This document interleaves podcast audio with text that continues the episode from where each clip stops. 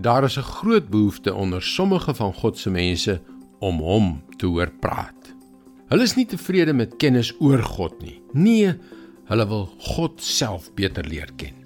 Hallo, ek is Jockey Gouchee vir Bernie Diamond en welkom weer by Vars. Nou ja, hier is 'n vraag wat baie gelowiges so effens ongemaklik laat voel. Hoe hoor jy God? Hoe sê hy vir jou wat sy wil vir jou lewe is? Soms hoor jy iemand sê, God het vir my dit gesê of God het dat vir my gesê. Goed, maar hoe het hy die dit of dat vir hulle gesê?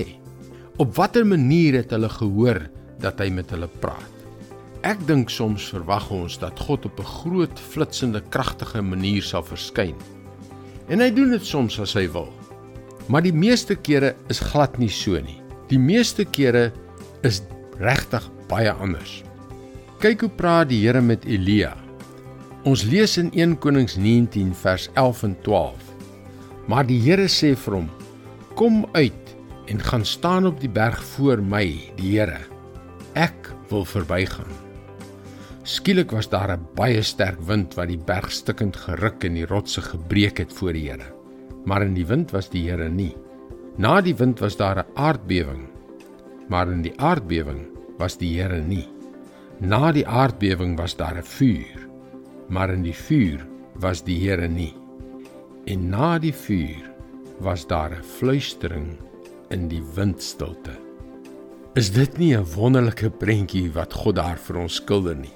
Hy praat nie deur die sterk wind wat die berge uitmekaar skeer nie. Nie deur die aardbewing nie, nie deur die vuur nie, maar in 'n stil, sagte stem. Vandag, waar ons 24/7 met die wêreld in verbinding kan wees, waar ons soveel opsies het, soveel dinge het om ons aandag af te trek, moet ons baie stil raak as ons die stil, sagte stem van God wil hoor. Dit is God se woord, vars vir jou vandag. Vriend, die probleem is nie dat God skielik stil geword het nie. Die probleem is dat ons ophou luister het. Gaan gerus na ons webwerf varsvandag.co.za as jy elke weeksdag 'n boodskap van Bernie Diamond in jou e-posbus wil ontvang. Luister weer môre op dieselfde tyd op jou gunstelingstasie vir nog 'n vars boodskap. Groete en seënwense.